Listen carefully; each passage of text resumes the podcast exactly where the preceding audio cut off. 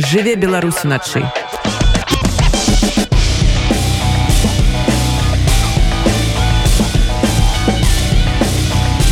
Беларускія ноцы. Іван Саванович каля мікрафона Дамініка Барч сёння з намі за гукарэжысерскім пультам. Мы пачынаем беларускую ноч на хвалях радыё УНэт. Бліжэйшую гадзіну узгадаем асноўныя падзеі гэтага тыдня, а пачынаем эфір, як заўжды з агляду сітуацыі на вайне ва ўкраіне. Лінія фронту. Радыё УНэт. Расійскія войскі працягваюць паветраны наступ на украіну пры дапамозе ракет і некаторай колькасці беспілотнікаў камікадзе іранскай вытворчасці 19 кастрычніка яны выпусцілі хвалю крылатых ракет па цэлях на паўночным захадзе ўкраіны украінскі бок заявіў аб 12 збітых з іх 5 у раёне кіева 22 кастрычніка раніцай военно-касмічныя сілы паднялі ў паветра да 10 стратэгічных бомбавікоў ту 95 і ту-160 для запуску прыкладна 18 крылатых ракет х-101 і х-555. Адначасова з гэтым былі запушчаны ад 6 до 8 крылатых ракет калібр расійскімі баявымі караблямі ў чорным моры. Украінскі бок сцвярджае, што да цяперашняга часу ўжо былі збітыя 223 іранскія беспілотнікі. Тым не менш, як адзначае ваенны аналітык Том Купер, да гэтага часу няма доказаў таго, што Тегеран паставіў больш за сотню лёгкіх беспілотнікаў камікадзе шахет 136. Пацверджаная колькасць збітых шахет 131 і іншых БПЛА іранскай вытворчасці яшчэ меншая. На Донбасе расійскія войскі працягваюць свой ужо шматмесячны штурм бахмута. Пры гэтым яны нясуць вельмі вялікія страты. Ваенны аналітык Том Купер лічыць, што калі меркаваць па колькасці ўдзельнікаў баявых дзеянняў і забітых там расійскіх салдат, то гэта верагодна самая буйная бітва гэтай вайны. Узброеныя сілы ўкраіны не толькі перакінулі ў гэты раён дадатковыя падраздзяленні, але і вялікую колькасць артылерыі, што, як паведамляецца, блакуе расійскія шляхі забеспячэння і лагістыку ў цэлым. З херсонскага накірунку прыходзіць даволі мала інфармацыі. Тым не менш па той інфармацыі, якую атрымоўваецца знайсці, можна канстатаваць, што расійскія паромы ў раёне новай кахаўкі рэгулярна падвяргаюцца ударам сістэмамі хаймарс. Гэта таксама вельмі ускладняе забеспячэнне групоўкі войскаў на правым беразе дняпра. Паведамленне аб новых ударах па гэтых паромах прыходзяць амаль кожную ноч. Расійскія ўлады акупаванай херсонскай вобласці працягваюць актыўныя заклікі да ўсеагульнай эвакуацыі мірных жыхароў. Украінскі бок сцвярджае, што людзей эвакуююць днём, а ўначы дзейнічае каменданцкая гадзіна і дазволена перасоўвацца толькі вайскоўцам. Расійская прапаганда сцвярджае, што да гэтага часу расійская грамадзянская адміністрацыя, савет сацыяльнага забеспячэння, пенсійны фонд і і некаторыя іншыя установы ўжо адведзены на ўсходні бераг дняпра. Пры гэтым варта адзначыць, што гэта можа быць няпраўдай. Цалкам верагодна, што інфармацыя аб нібыта эвакуацыі мірнага насельніцтва можа быць скарыстана дзеля абароны расійскіх паромаў на дняпры ад украінскіх ракетных удараў. Таксама паведамляецца прымяненне расійскімі войскамі тактыкі выпаленай зямлі. Яны падпальваюць будынкі, а таксама займаюцца крадзяжом аўтамабіляў. 19 кастрычніка ўзброеныя сілы ўкраіны пачалі новы наступ на паўночным усходзе херсона.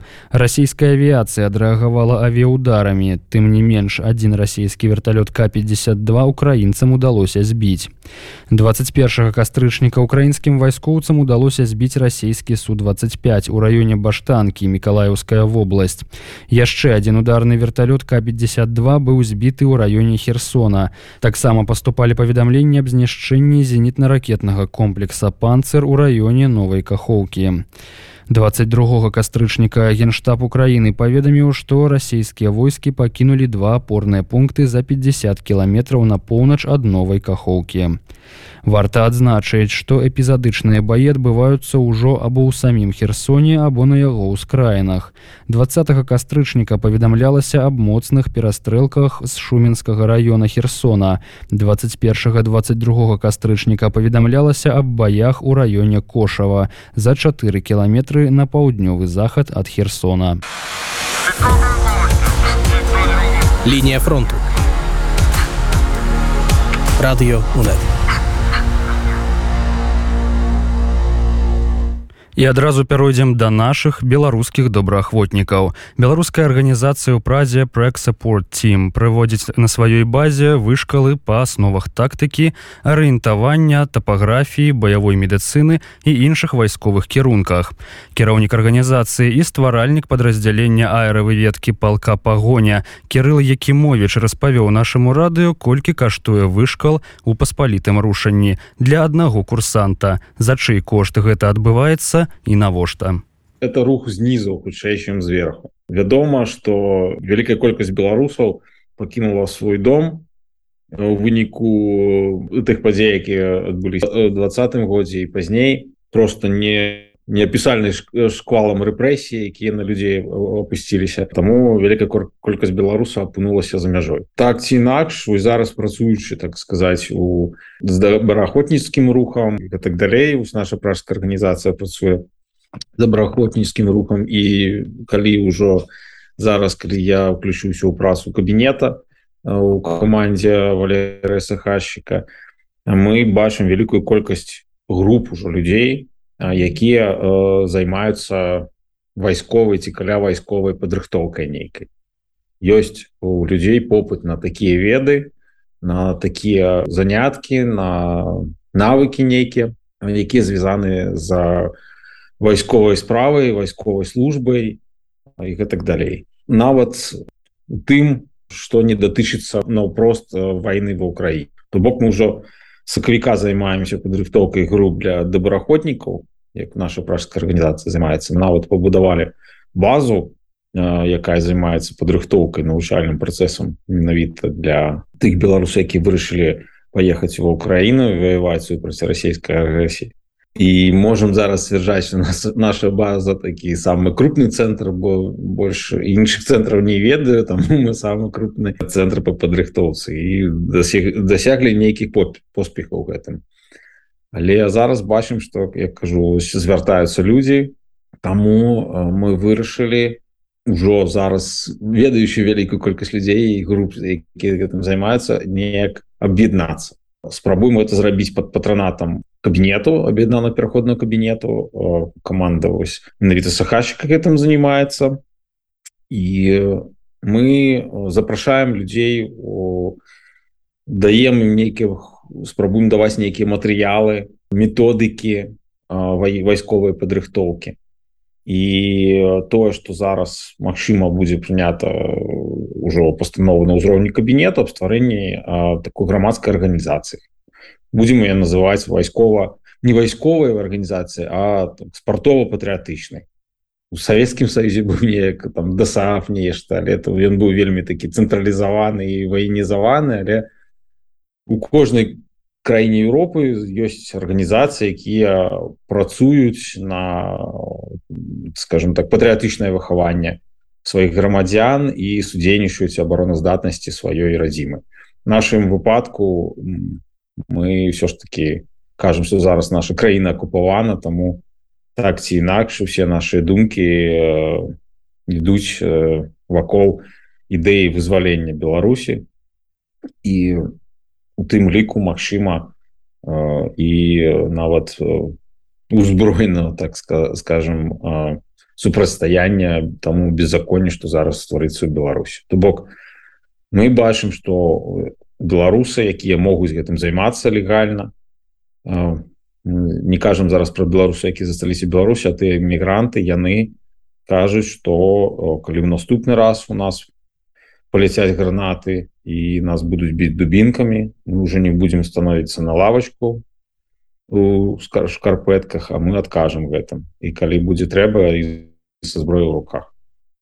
Не так давно яшчэ один чалец пераходнага кабінету александр азараў таксама абвяшчаў аб стварэнні у розных гарадах Еўропы харугваў якія свае мэтай ну, ставяць прыкладна тое вось што опісваеце вы. Гэта ўсё скажем так гэта ўсё один проект альбо паралельныя розныя О, хацелася б думаць што гэта стане адным проектам пакуль што гэта скажем так гэтыя харуквы якія як я разумею яны больш адносяцца да арганізацыі байпол. Вось. І мы падрыхтавалі у нашым цэнтры польскі мы падрыхтавалі 5 ад, груп ад байполу і прынпе ўжо знаёмы як бы з тым што робіць байпол вельмі пасябраваліся з тымі людзьмі якія прайшлі праз нас. Вось. Але э, пакуль што мне па не знайшлі разумення з арганізацыяй байпол у сэнсе як бы проект як як эта арганізацыя павінна выглядаць мы спрабуем аб'яднаць шматлікія групы грамадзян і ну як асоб так і нейкіх груп асоб але на нейкіх прынцыпах патранату над гарызантальнымі структурамі. Байпол будуе свае атрады даволі таямніша і на аснове вертыкальнай падпарадкаванасці там праверак поліграфы гэтак далей. Мы не будуем вайсковыя аддзелы. Не будуем вайсковыя там нейкія атрады мы будуем шырокую грамадскую арганізацыю якая ну будем казаць так няхай калі людзі яны хочуць гэтым займацца няхай робіць гэта на нейкім сур'ёзным узроўні з нармальнымі інструктарамі гэтак далей але тут можа быть і сталыя людзі і маладыя дзеці там і подлеткі мы не хочам каб чалавек павінен там прыходзіць прад'яўляць пашпарт каб пазаймаўся на выходных нейкай там падрыхтоўкай я не ведаю. У лес навучыўся там вогнішча раскладваць і навучыўся страляць ці яшчэ там медыцынай займаюся мы гэта не патрабуем бо ведаем что все люди аб'яднаныя по розных прынцыпах тосьці ну, не хочам як бы хочам хутчэй заваяваць давер і аказаць падтрымку людзям больш чым вы выбудаваць нейкія вайсковыя аддзелы не мы па-першае не маем права на гэта мы все зараз жывем на тэрыторыі краін еўрапейского звязу тому мы абсалютна празрыста павінны працаваць. Мы не можем ствараць армію. Ось так взять стварыць Польша ці ў Чехії ці ў літве нейкія вайсковыя аддзелы і так далей не ось наш троху пакуль што наши мэты разыходзяцца я не чу прынцыпе хоць і працуем разам але мне здаецца что гэта арганізацыя байпол стварае такія атрады Таму это не зусім тое, што на чым працуем мы зараз. Хаця спрабуем дамовіцца, спрабуем працаваць разам, як я кажу, все людзі, якія былі з байполу ў наших атрадах уже зараз наши сябры вельмі зраджаныя класныя все хлопцы і дзяўчата. Але у нас трошку іншае стаўленне да таких мэтаў. Зараз мы напрыклад зараз у нас праходзіць падрыхтоўку третья група ўжо паспаліта рушання і там ёсць людзі якія былі напрыклад у групах байпол хочуць далей працаваць і вучыцца нейкім разумным рэчам можна сказаць э, калі гэтым займаюцца людзі якім гэтым нешта разумеюць это не такія вялікія грошы скажем так вы пойдзеце зараз да інструктара тактычнай падрыхтоўкі напрыклад там польска ці літоўска скажете я хочу прайсці напрыклад курс эм, валодання штурмовой вінтоўкай это будзе вам каштаваць можа там і тысячу даляраў за дзень это нормально потому что это высокого класса спецыялісты это высокого это стрельбище это патрон як я заўсёды кажу хлопцам на стрельбішчы что стреляйте нормально бо кожна кожны патрон это буталька піва але калі мы ўжо у нас ёсць сваё свае навучальны свой навучальны цэнтр дзе нам не трэба там людзей рассяляць по хостелах они жывуць у нас харчуюцца самі там дзяжурная варыць ежу калі у нас ёсць дамоўленасці з польскімі ўладнымі з польскімі арганізацыямі наконт выкарыстання полігону стрельбішчу калі у у нас спецыяльныя кошты на боеприпасы. Калі у нас ёсць уже нейкая матэрыяльная база якую мы скажем так абжыліся калі рыхтавалі добраахвотнікаў там ведаю сродкі аховы слыху зроку нейкія там то что можна выдаць людям для тренировок амуніцыю экіпіроўку і так далей медыцынскія нават тренажоры у нас ёсць людзі могуць паспрабаваць оказывать на спецыяльных тренажорах як там спыняць кровых і так далей то это все ўжо значна танней каштуе напрыклад калі до нас прыйшоў байпол яны казалі нам что падрыхтоўка бойца 10 байцоў абыходзіцца ў 25 тысяч евро і прынцыпе оно выглядае ну калі вось вы пойдзеце так скажем на касу то вам это так і будзе каштаваць. Але калі нас палішылі мы палішылі колькі мы хочам ну колькі нам будзе каштаваць сабе кошт скажем так падрыхтоўкі гэтых самых 10 байцоў мы выйшлі на суму каля 5 там, я уже так зараз головы кажу но нешта паміж 5 і 6 тысячами евро то бок калі это камерцыйна рабіць абыходзіцца десятидзённая падрыхтоўка у две з паловай тысячи на чалавека а у нас с разам с харчаваннем прыжываннем разам заплатай інструктароў якія таксама на суштаце это уже выходзіць ну максимум на 600 евро. То бок ось прыкладна так выглядае фінансуемся мы па-першае з ахвяраванняў беларусаў что збірае наша арганізацыя по-другое з уласных сродкаў заснавальнікаў арганізацыі сам у нас есть людзі якія могуць себе дазволіць свае ўласныя сродкі на гэта выдаткаваць напрыклад аплочваць аренду цэнтра аплочваць заробкі і так далее. Это такія то что трэба кожны месяц платіць а плюс нам дапамагаюць беларускія палітыкі некаторыя пакуль что мы не маем фінансавання ад кабінету в кабінет пакуль нам ну, не фінансуе было бы няма сродкаў пакуль что але вельмі спадзяемся что это будзе напрыклад нам мінулую трэніроўку нам вельмі дапамог фінансава арганізацыя пала латушки мы оплатілі і стрэльбіще і боеприпасы все з тых грошай які выдаткавала арганізацыя пала латушки і четверты это зборы напрыклад аплочвалі зборы таксама фондаў напрыклад фонд байсол аплочваў амуніцыю для трох групаў байпола.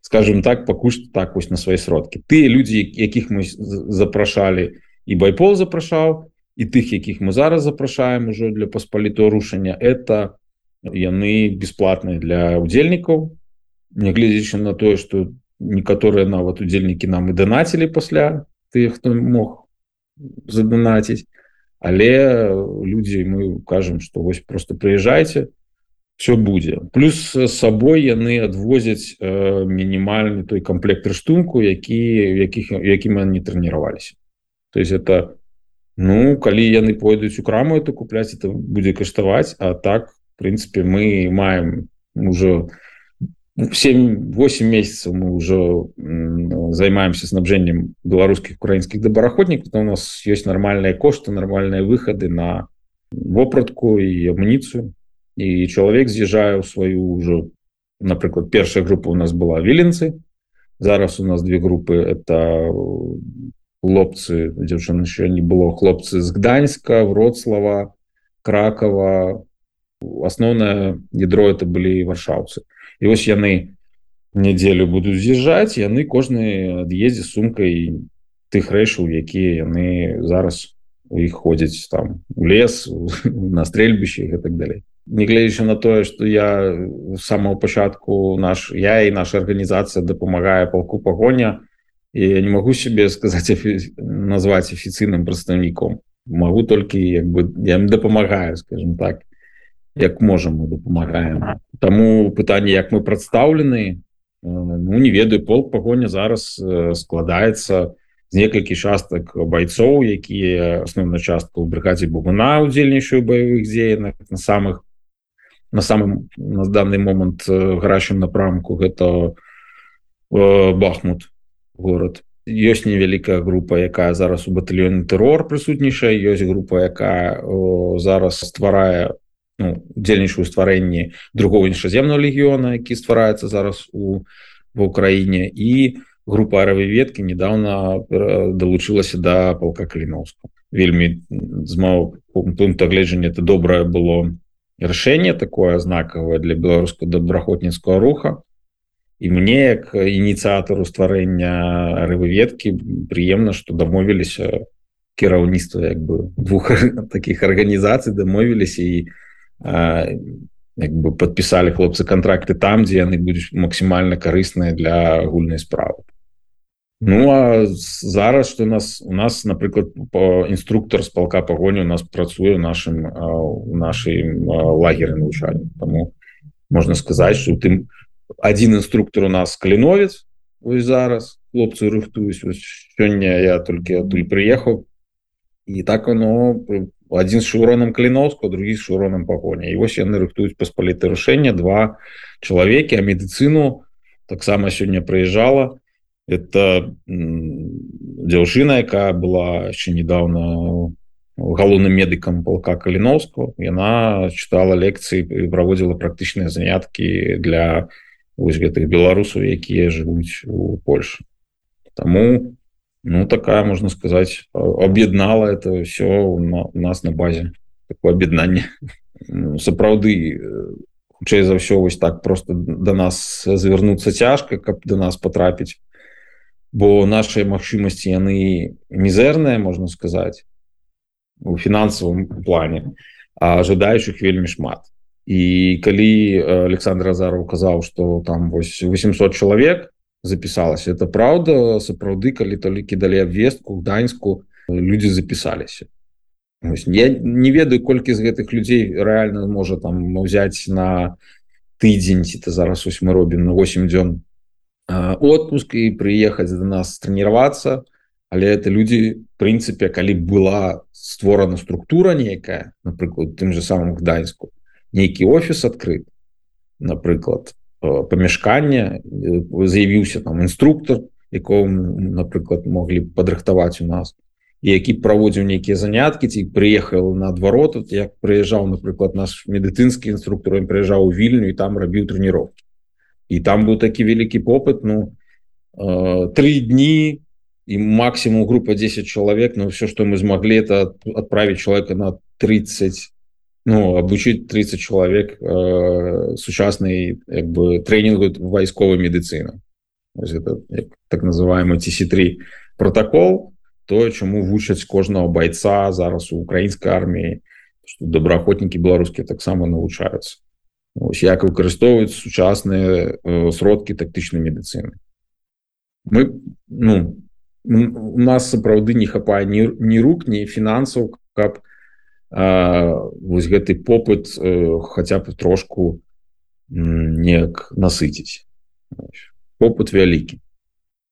Я яшчэ памятаю як на пачатку войны до мяне звярнуліся знаёмыя военные чэшскі і прапаноўвалі ў празе зрабіць курсы. І просто вось дзяўчыны жанчыны мужчыны приезжалі і тренироваліся там все выходныя посвящалі каб прайсці вось гэты курс медыцыны просто каб было можна сказаць тому попыт вельмі вялікі але будемм спадзявацца что это будзе все падтрымана то перш за ўсё фінансава бо тут уже как кажу трэба ну сур'ёзна да все ставіцца і то что у нас некалькі інструктароў яны павінны працаваць яны павінны атрымліваць заробак яны готовы ад звонка до звонка працаваць это захопленыя людзі але ён не можа рабіць это там по выходным ці пасля працы настройки ён павінен нормально быць фінансава падтрыманы і каб ён на карысць працаваў. Жыве беларусу начы. А полк каліноўскага сёння расказаў пра свае палітычныя амбіцыі. Адпаведнымі пытаннямі будзе займацца соем палка, куды ўвайшлі палітычна падкаваныя актывісты. Кантакты ўжо наладжаны з украінскімі дэпутатамі і асобнай ініцыятывы беларускіх добраахвотнікаў знайшлі падтрымку на высокім узроўні. У той жа час полк адасобіўся ад святланы ціханаўскай і прадстаўніка яе кабінету Валерыя Сахашчыка, але вядзе перамовы супрацоўнічае сутнічае з іншымі беларускімі сіламі і ініцыятывамі. Вольга сямашка спрабавала разаобрацца ў палітычных прыярытэтах каліноўцаў.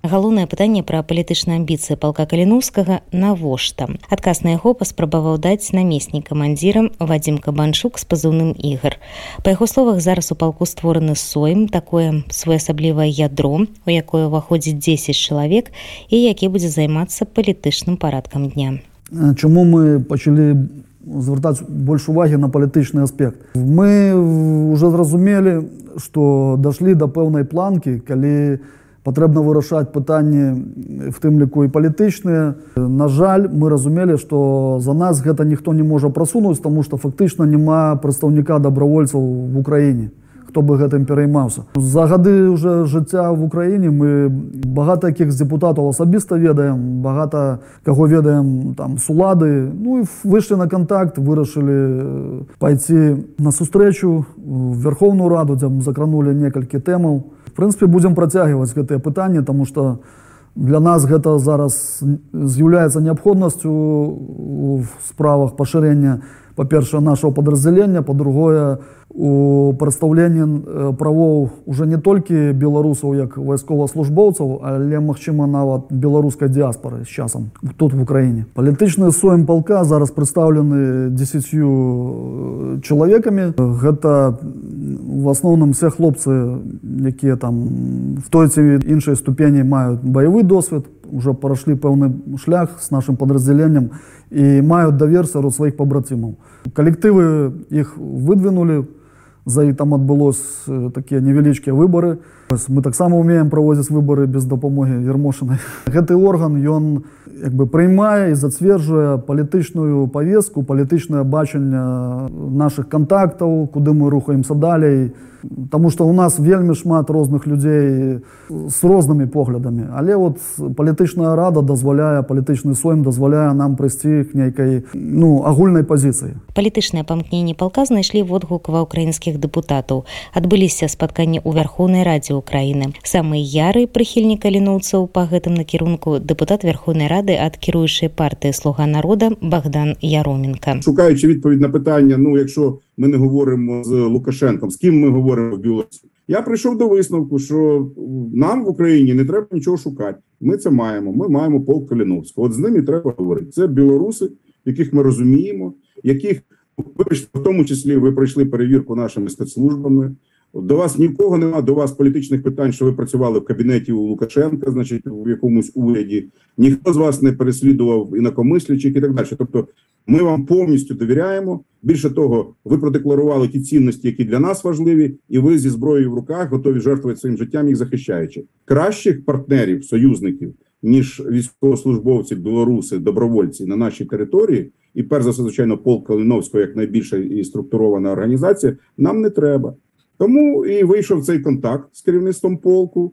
Яку поговорили, я з задоволенням для себе е, дізнався, що полк теж думає над тим, що треба починати якийсь політичний движ, якийсь політичний рух, тобто набувати політичної легітимності. Я тут для того, щоб допомогти вам у цьому. Більше ніякої іншої ролі у контакту з полком у мене немає. Хоча як військові одиниці я теж готовий допомагати. Але тут ми знайдемо багато інших депутатів, які вміють це робити краще і допоможуть, і так далі. Там якісь питання вирішувати теж. З тлумачэнняў і прадстаўнікоў палка і украінскіх дэпутатаў стала зразумела, што штаб ціханаўскай і аб'яднаны пераходны кабінет сваімі партнёрамі беларускія добраахвотнікі не бачаць. І з валерыем сахашчыкам, які ў пераходным кабінеце з'яўляецца такім умоўным міністрам обороны, полк стасункаў не мае, кажа Вадзім Кабанчук. Так мы уже падкрэслівалі, што у нас ёсць шэраг пытанняў да гэтай асобы. Ну у нас няма часу там разбірацца, праверяць гэта ўсё памер інфармацыі, таму стасункаў зараз няма. Давайте паглядзім на сітуацыю трохі з такой рэтраспектывы гістарычнай. Так? Гэты шлях, які зараз праходзім мы, прахадзіла ўжо багата якіх нацый. Да? Напрыклад, в часы другой сусветнай вайны. Калі паняволеныя народы мелі свае ўрады ў выгнанні і гэтыя ўрады выгнанні фармавалі в тым ліку збройныя сілы. Мы стварыліся па ўласнай ініцыятыве, стварыліся за свае ўласныя ресурсы.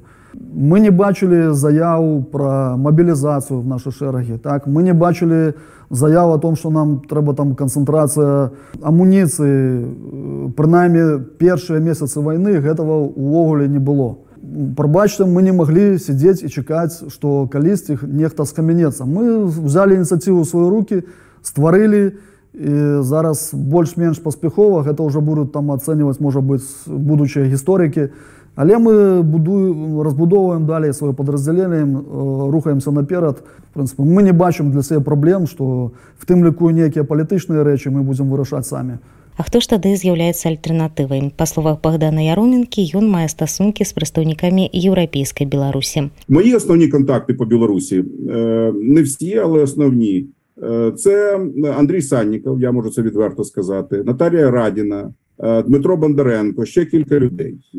Ці люди дуже критично настроєні щодо оточення Тихановської.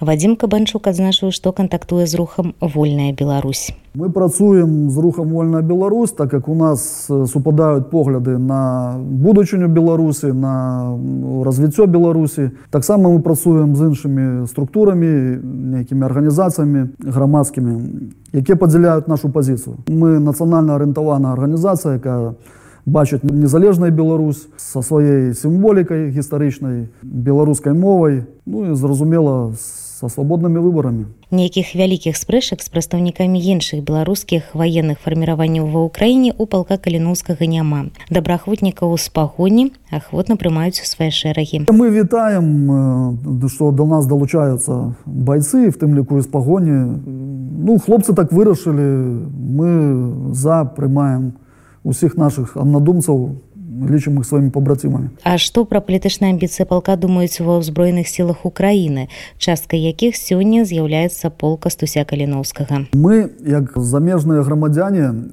не прыймалі прысягу Украіны. Некаторыя думаюць памылкова што мы прынялі прысягу Украіны цалкам як бы падпарадковымся залежым ад вайскова-палітычнага кіраўніцтва. Так мы вайскова-службоўцы ЗСУ і мы в аператыўнаму цалкам падпарадкаванню нашим украінскім камандзірам выконваем баявыя задачи але мы як грамадзяне беларусі мы маем поўную палітычную волю.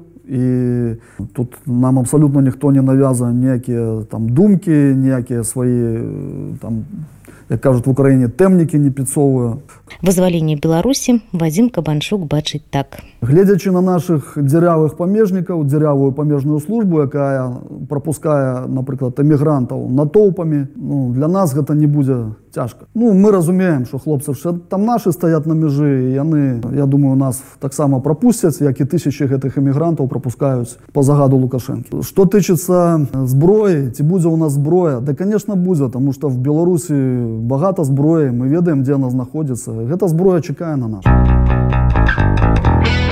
Жыве беларус уначы ноч з 29 на 30 кастрычніка 1937 стала адным з самых трагічных момантаў беларускай гісторыі.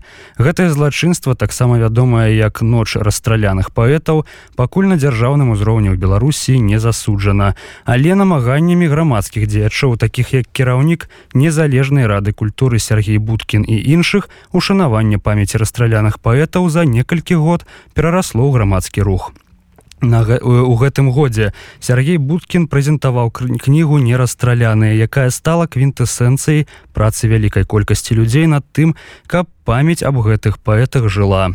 Сергей Будкін распавёў маёй калезе Алене прыходзька пра праект нерасстраляная, які ўжо жыве самастойным жыццём. Кніга нерасстраляная гэта адна з частак праекту аднайменнага праекту, які першапачаткова меў назву нерасстраляная паэзія ён стартаваў у 2017 годзе тады вось якраз было 80годдзя той сумнай даты расстрэлаў беларускай нацыянальнай эліты ну, в прынцыпе проект стартаваў з музычнага складніка то бок музыкі меліся стварыць новыя песні на вершы тых паэтаў але паступова ён стаў развівацца ў бок даследніцкі у бок адукацыйны бок такі прамацыйны дызайнерскі і в прынцыпе увабраў сябе ну вось я зараз рыхтую лекцыю пра культуру памяці про працу з культуры памяці на прыкладзе проекту не расстраляна я налічыў 10 складнікаў гэтага проекту і адзін з іх ось такая грунтоўная цагліна гэта кніга не расстраляная якая фактычна пакуль ёсць такой фінальнай кропка ці шматкропем гэтага проекту кніга ўвабрала ў сябе ўсё усе напрацоўкі гэтага проекту гісторыі паэтаў які зроблены на падставе лекцыі і даследаванняў літаратуразнаўцаў культуру культуролагаў даследчыкаў гісторыкаў яна таксама мае спасылкі на музычную частку проекту мае спасылкі э, на лекцыі у выглядзе qr-кодаў яна багата праілюстравана тым ліку фото здымкамі якія раней нідзе не друкаваліся якія мы знайшлі ў архіве. І таксама безумоўна тэкстамі так? Перадусім абранымі вершамі. Ёсць частка п'есы Васіля шашалевича ёсць частка п'есы слава глубка ёсць апавяданне нават то бок гэта такое грунтоўнае выданне на 442 старонках якое на падставілась гісторыі 18 герояў проекту дае ўяўленне у прынцыпе пра час пра эпоху пра настроі і гэта то мы падкрэслюем гэтым проектам что мы не ушаноўваем творцу за тое что забілі. Мы ушаноўваем іх за тое что яны зрабілі. То бок гэта не пра смерць проекта пра жыццё любоў. Мы імкнуліся знайсці і фотаздымкі дзе яны гэтай паэты у нейкіх жыццёвых абставінах. І падыход быў у расповедах і на лекцыях і ў гэтых бы частках кнігі. Не просто нарадзіўся жыў расстраляны так а мэта была паказаць гэтага чалавека жывым да распавесці пра яго характар пра яго сувязі пра яго погляды пра яго памкненні мары. І як бы місія якая нам бачылася гэта працягнуць гісторыю гэтых асобаў якую перапынілі. Прыняць іх у нашым часе сэнсаваць тое што мы зрабілі натхніцца гэтым упусціць іх у нашу сучасную культурную прастору каб яны працягвалі бы працаваць на, на, на яе каб з'яўляліся новыя творы натхнёныя іх паэзіі каб былі даследаванні каб гэта ўсё жыло веравала і як бы не, не толькі вот с пункту гледжання памінальнасці караціна у чым з гэтай тэмы працаваць гэта адзін з узроўняў працы гэтую тэмы досыць новы напэўна для беларусі. І мне здаецца што мы на нейкім этапе паказалі што гэта магчыма колькі чалавек працавала над кнігай бо гэта вельмі такая аб'ёмная праца і архівы і візуальная частка. Якая гэта была каманда і сколькі часу узяло праца над кнігай Ну ізноў жа мне цяжка казаць толькі пра кнігу бо яна ёсць складнікам як бы вялікага проекту спрабаваю падлічыць што в прынцыпе увесь проект не расстраляны плён працы трохгадовы ну цяпер ужо нават больш да пяцігадовай працы больш чым 60 чалавек да? то есть моя маю на увазе тут і даследчыкаў і музыкаў дызайнераў і рэжысёраў і актораў сан-прадусараў і менеджераў то бок як бы гэта такая ўжо з'ява якая стала больш за нас да? то бок потому что музыкі там які пачулі першыя песні там вядомых выканаўцаў іншыя музыкі натхніліся і записываюць ужо свае песні на гэтыя вершы шукаючы іх таксама працягваецца праца над асэнсаваннем спадчыны гэтых паэтаў. Ўжо пасля там старту нашага проекту сталі з'яўляцца кнігі укладзеныя тымі даследчыкамі які працавалі ў праекце расстраляну да над лекцыямі маю на увазе Андрей хаданович які ўклаў кнігу вершаў Юлія Таўбіна які в прынцыпе адкрыў для сябе гэтага паэта якраз падчас працы у нерасстраляных Віктор жібуль уклаў зборнікі юркі лявоннага і Сергея стрейкі. Безумоўна Ганна севарніца якая рыхтавала лекцыі і вось часткі кнігі пра алеся дудара і мехася чарота безумоўна як бы працягвае сваю працу таксама над папулярыза арганізацыі спадчыны гэтых паэтаў і над перажываннем гэтай траўмы так такую нанеслі беларускай нацыі у 30-х годах поэтому вельмі шмат да усіх людзей поэтому калі я буду называть адних і не назову других то гэта будзе несправядліва. Калі я буду называть усіх там больш за 60 чалавек то гэта зойме шмат часу. Поэтому бы, я тут заўжды дзякую усім. Кажу что унёс кожнага важны потому что гэта складае увесь пазл под назвай не расстраляна адна з частак проекта гэта завядзенне асабістых аккаунтаў кожнаму паэту. Я прагледзела аккаунты там усё ж таки ну нейкае жыццё ёсць. То бок публікуюцца посты там звесткі пра іх. Ну то бок нельга сказаць что гэта просто такая вітрына якую там аднойчы завялі і яна ўжо там такая нежывая. Ці плануеце вы працягваць вось гэтае жыццё паэтаў у сацыяльных сетках? Бо гэта таксама патрабуе пэўных высілкаў і ну працы смм капірайтараў там крэатыўшчыкаў Ну, безумоўна хацелася бы каб гэтая праца э, працягвалася Ну я просто патлумачу что для мяне гэты проект скончаны як для мяне асабіста то бок у мяне правило такое каб бы переживаць нейкую тэму і отпускаць я далей каб займацца наступнай тэмай не заставацца ў адным і тым же ўсё жыццё некаторых іншыя погляды некаторы даследуюць все глыбей глыбей абраную тэму поэтому я кажу что в прынцыпе на на кнізе была поставлена такая кропка. І ось гэта патрэба кнігі яна ўзнікла ўжо пасля да то бок. Мы як змаглі выдалі першы наклад кнігі які разышоўся толькі па тых хто зрабіў перад замовы і на жаль не выйшаў там за межы фактычна мінска нават не тое у беларусі. Поэтому узнікла патрэба дапрацаваць кнігу лічыць як бы там все заўвагі і выдаць яе ўжо большим накладам каб яе маглі атрымаць тых хто цікавіцца гэтай тэмы больш шырэй тое что будзе далі як подхопіць гэтай старонкі потому что я писал про тое что мы готовы перадаць все доступы бы ясным людям до гэтых сторонок каб их весці. Мы готовы бы отдать все матэрыялы каб их весці. Вось адгукнуліся некалькі людзей які працягваюць папаўняць потому что фізічна як бы сила у мяне на гэта няма. І гэта як бы для мяне ось той проект які можна показваць прыкладам працы вот, на, на складаную тэму але наперадзе думаю що шмат розных проектаў на розныя тэмы Ну і натуральна бы беларуская рада культуры зараз займае 100 там 80 процентов часу. Поэтому адзіна что я могу гэта дзяліцца тым что зроблена дзеліць напрацоўкамі злучаць людзей паміж сабою і каб гэта справа развялася далей тым ліку вось по акцыі ноч паэтаў мы готовы таксама дапамагаць там перакладамі на розныя мовы нейкімі кансультацыямі дызайном і так далее але в прынцыпе адказнасць за арганізацыю там за правядзення гэтых акцый мы уже на себя браць не можем я тут кажу про, про сябе асабіста ну і команда як бы не расстраляных она ж як бы не сядзіць у одном месцы. Вялікая колькасць людзей якія калісьці прасякнуліся тэму і зрабілі нейкі свой унёсак поэтому то будзе далей мне бы хотелось каб было далей і тое про что мы марылі гэта і тэатральная пастановка на тэму гэта і нейкі серыял які бы распавядаў про той час і показываў вось жывымі да там гэтых паэтаў які там кахалі які ненавідзелі там адзін у аднаго там адбіваў там жонку там напрыклад там хтосьці там на кагосьці пісаў нейкія кляузы. Але гэта все было жыццё і гэта не гэта жыццё нічым не адрозніваецца ад жыцця там іншай генерацыі паэтаў які былі да іх ці пасля іх.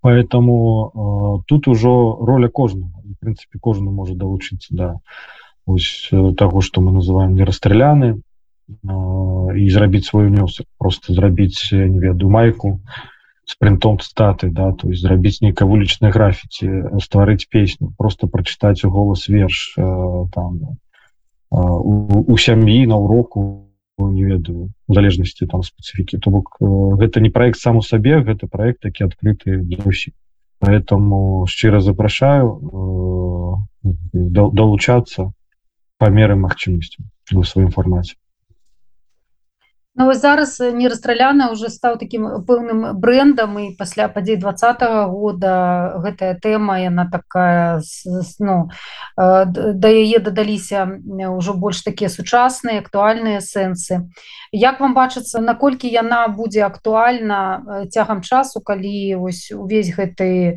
жах скончыцца беларусы павернуцца дадому пачнецца мірнае жыццё у наших краінах? Насколькі вось гэтая тэма не расстраляных гэты бренд з усімі яго сэнсамі і тагачаснымі і сучаснымі будзе актуальны на будучыню. Ён будзе актуальны пакуль тыя падзеі не прыняты у сучаснасці пакуль на палітычным узроўні не асуджаны у прынцыпе злачынства камунізма і сам рэжым не прызнаны злачынам як тое было зроблена у тых краінах дзе ён нарабіў зла. То бок тут розныя ўзроўні ўспрымання. Есть калі казаць пра палітычна то неабходнасць гэтага кроку пакуль сімвалічнага але потым рэальнага да? гэта першы ўзровень. Другі ўзровень ну на прапрацоўкі просто асабістай траўмы да псіхалагічна потому что калі мы размаўлялі з тымі ж музыкамі які пісалі музыку да ось гэтых вершаў тридцатых то шмат у каго казаліся ну свае паралелі. То есть гэта закранула іх сем'і да то есть іх таксама дзедоў прадзедаў там арыштоўвалі рэпрасоўвалі то гэта гэта тая нітачка якая якраз злучала іх якая вось перарвалася да? Потому что з розных прычынаў людзі не падымаюць гэтую тэму да слаба рэагуюць на яе калі асабліва пачынаўся гэты проект калі падавалася в прынцыпе ўсё добра і калі макей фоткаўся вышыванцы да то есть это 17 год. Потым ну стало зразумела что не все так весело что гэтая тэма ну будет цягнуцца за нами як бы нам таго не хацелася потому что не вельмі хочется сутыкацца со смерцю с рэпрэсіями да, з нечым таким цёмным нібы змрочным поэтому мы хотели дадаць тут фарбаў успрыманне все ж таки гэтага часу эпохі гэтых людзей як бы было больш скажем такой прыемным да наколькі тут гэтае слово пастое але оказалася так что гэтая траўма цягнецца за нами і калі мы сутыкнуліся ў двадцатым годзе калі кніга яшчэ рыхтавалася толькі да друку что уже герои проекта с 20-х годов нашего стагоддзя сутыкаются в принципе переживаюць приблизно тое что и герои гэтага проекта то бок пачались пачаўся ціск затрымання арышты допыты в обшукі звальнення то есть фактычна забарон на профессию для музыкаў там поэтаў выдаўцоў да то есть поступова кола гэтых рэпрэсіяў раскручвался ажно для, того что і выдаўца гэтай кнігі нушкевича некалькі разоў затрымалі і зачынілі яго выдавецтва да там. Ну і не буду там рассказывать про рэпрэсіі там дачыняць практычна там да кожнага другого напэўна да удзельніка гэтага проекту поэтому стало зразумела что тут якраз вот такі сур'ёзны замес мінулага сучаснасці э, с выходам на будучыню да калі нам трэба подумать як так зрабіць каб тыя хто ўжо завернуць увагу на і будуць асэнсоўваць рэпрэсіі двадцатого каб у іх часе уже не пар... не паўтарылася третья кола да? То есть калі мы гэта отпустим калі мы про гэта забудзем калі мы палічым гэта не прыярытэтам адпаведна тады ёсць пагроза паўтору на, на чарговае кола да гэтага ўсяго. Поэтому вельмі важно тут працаваць вот на некалькіх узроўнях. Іх шмат як бы не ўяўляецца. Ну вот самое галоўнае гэта асабісты ўзровень успрымання гэтай трагеды і прыняць яе як сваёй да і адпаведная прапрацоўка яе як бы шляхам вось расповеду про гэтый падзеі шляхам там просто рэпоста да да некага стварэння на падставе гэтага нечага светла. Да, гэта можа быць і то той фармат які быў уночы расстраляных паэту так? То есть ушанавальна вось гэты памінальны да то есть малітоўны гэты ўзровень таксама павін быць бо гэтых людзей трэба аплакаць да. То есть за іх трэба маліцца безумоўна і вернікі розных канфесіяў могуць гэта рабіць просто і не толькі ў гэты дзень. Потому что нам трэба каб яны абарочваліся. Гэты імёны гэты час гэтай падзеі для того каб это ланцуг які гвалтам імкнуліся выцягнуць да вот с нашай гісторыі ён вярнуўся на месца і вся тады як бы сістэма запрацавала бы далей потому что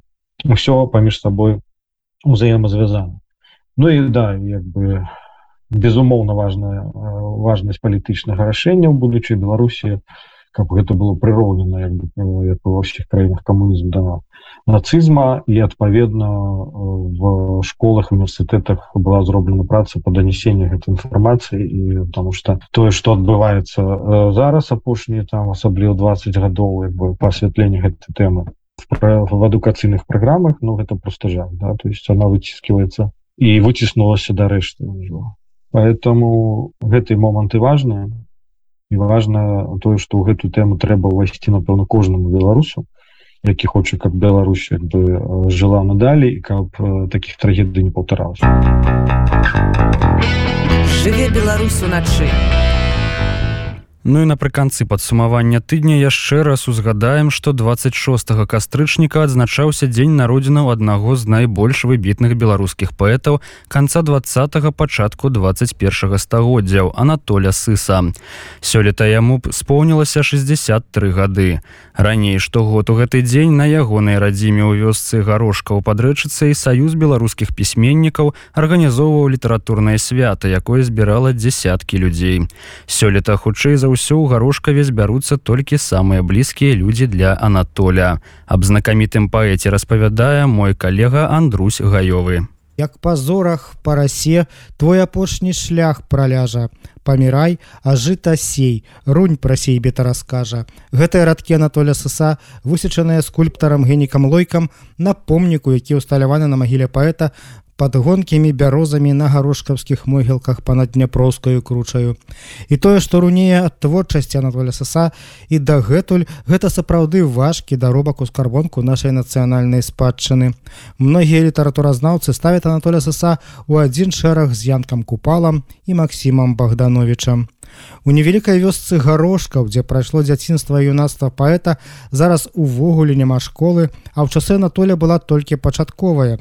Але яна была беларускамоўнаю. А вось у чацвёрты клас ён мусіў ісці ў суседнюю вёску цэнтр сельсавета бронная, дзе школа была з расійскай мовай навучання. Узгадвае родная сястра Анатоля Саса Тамара Ціханаўна грыб. Было 16 я пайшла працаваць А толя застаўся хадзіў там у першую які-то другі клас ён спачатку хадзіў ўжо ў гарошкаве ў школу а потым у бронная у, у пяты клас у чавёрты наверное клас ён пайшоў у бронная у бронінскую школу. Вось Ну але ж у бронінскай школы было рускае навучанне калі я вучылася было беларускае навучанне беларуская школа была. Але як ужо вот у мяне быў сёмы клас я так успамінаю потихоньку потихонечку пачалі з'яўляцца рускія подручнікі то по гісторыі то по геаграфіі то потом пасём а потым усе подручнікі сталі рускія Вось так. І, і школа стала я можна сказаць можа яна дзе ў гараной лічылася беларуская школа але яна была ўжо руская А мы ж дзеці мы ж гэтага не разумелі что гэта такое казвалі на рускай да. Ну і толя ўжо калі я уже школу закончила толя пайшоў першы клас і ўжо ў школе Анатоль сыс пачынаў пісаць вершы нават як кажа тамара ціханаўна паэмы пра звычайнае вясковае жыццё. Я знайшла яго шыткі такія агульныя. Дак там яго ну, где-то гаду ён было 14 я так вылечила ён пісаў паэмы. Паэмы паэмы як дзед з бабай гушкаліся на арэлях да як як баба упала вот такое вот смешное. Потым там была паэма про белага коня. Вось я вспоминаю. Але вось мяне гэта забралі незабыўныя гэтыя берагі выдалі так гэта выдалі сапраўдныя вершы а то былі першыя пачатковыя і притом былі здаецца мне ці на рускам ці не не успамінаю было і на рускай мове на беларускай было ў яго першапачатковыя вершы Натуральна, што паэт Анатоль Сыс выспяваў паступова, фармавалася ягонае светаадчуванне з цягам часу. Ён паступіў на гісторыка-філалагічны факультэт гомельскага дзяржаўнага універсітэта на спецыяльнасць філолага і выкладчыка беларускай расійскай моваў і літаратураў. Менавіта таму, што яго вельмі непакоілі нашыя нацыянальныя пытанні. У гарошкаве на ўзвышшы па-над шырокай дняпроўскай поймай ёсць старое гарадзішча зарубінецкай культуры з курганамі і могільнікамі. Гарошкаўцы спракуюць XX веку завуць гэтую мясціну гарадок. І якраз у часы сысавага студэнцтва уладам для нейкай будоўлі спатрэбіўся пясок. Яны без асаблівых роздумаў пачалі раскопваць археалагічны помнік. Тады малады студэнт Анатоль сыс паўстаў на абарону гарадзішча, дайшоўшы аж да акадэміі навук. Разбурэнне спынілі, але адгрызеная частка гарадзішча заўважная і цяпер. Анатоля сыса вельмі хвалявала пытанне адраджэння беларускай мовы. Для яго гэта была святая рэч пасля таго як з прыходам да ўлады лукашэнкі ў беларусі распачалі палітыку знішчэння беларускай мовы і замяшчэнне яе ўсюды дзе толькі магчыма расійскаю якую зноў пасля імперскіх савецкіх часоў ввесцілі дзяржаўнай анатоль сыс забараніў перакладаць свае вершы на расійскую мову да таго часу пакуль у беларусі не стане адзінаю дзяржаўную моваю беларуская. Але ў той жа час анатоль сыс разумеў што шмат пакутнаму беларускаму народу нават за мову нельга больш ваяваць Вось што ўзгадвала сястра паэта. Аднойчы я ездзіла ў Мінск Анатолю. Ён мне расказваў, як ён уначы ішоў па гораду і сустрэўся з двумя як іх называюць ну фашыстам маладзёж якая ходзіць з плёткамі з татуіроўкамі як гэта нацыст ну, ён таких маладых людзей сустрэў і прывалок іх дадому палок дадому іх цэлую ноч выхоўваў і да выховаў да таго што яны пайшлі разам з ім у, у мусарапровод яго доме і павыкідалі ўсе свае гэтыя плёткі безуны усю сваю амуніцыю гэтую нацыстскую і далі яму слова што яны больш не будуць гэтым займацца Вось такое он мне рассказал а потым ён мне сказал а теперь я хочу табе сказаць что калі бы мне сказали выбирай выбирай. Ці будзе беларуская мова будзе вайна а як беларускай мовы не будзе то войны не будзе. Ну так вось анатоль сказал так я табе хочу сказать он так мне гаворыць что я выбрал бы каб не было войны каб не было войны у нашей стране у нашей республіцы я бы мову як-нибудь бы отодвинул бы а каб не было войны каб не было войны он усё повторал гэтае каб было войны да анатолевы словы Вось яго думка яго меркаванне Тамара ціханаўна лічыць што Анатоль сыс быў прарокам Ён адчуваў ён ён прарок ён быў прарок Ё, я ўжо успамінаю яго не, некаторыя такія выразы і потым ўсё гэта спраўджвалася то што ён гаварыў. І асноўную пагрозу вайны Анатоль сыс бачыў з усходу Беларусі. На вялікі жаль гісторыя показала што так яно і ёсць. Гэты верш выйшаў у зборніку пан лес у 1989 годзе. Жывы голас Анатоля саса у расейцаў шаблі касы у расейцаў вочы батыя. Конскія хвасты за плячыма потная кабыла айчына не патрапна под шаблі косы. Не павер у вочы батыя. Не сядлай жарэбныя кабылы прывядзе да цёмнай магілы. А ў мяне ж свая ёсць магіла. А мяне ж яна полюбіла. Полюбіла сынам і мужам, як жану я біў яе гужам, А я біў, пытаўся, ці мала, да мяне з мужчынамі спала. Спала з маскалём, спала жляхам, ды была пасцеллю мне плаха. Спала з тваім бацькам ліцвінам, а цяпер з тваім, маім сынам. Паглядзіся у рэчкі лясныя. Хіба ж маеш вочы батыя, хіба ж конскія хвасты за плячыма?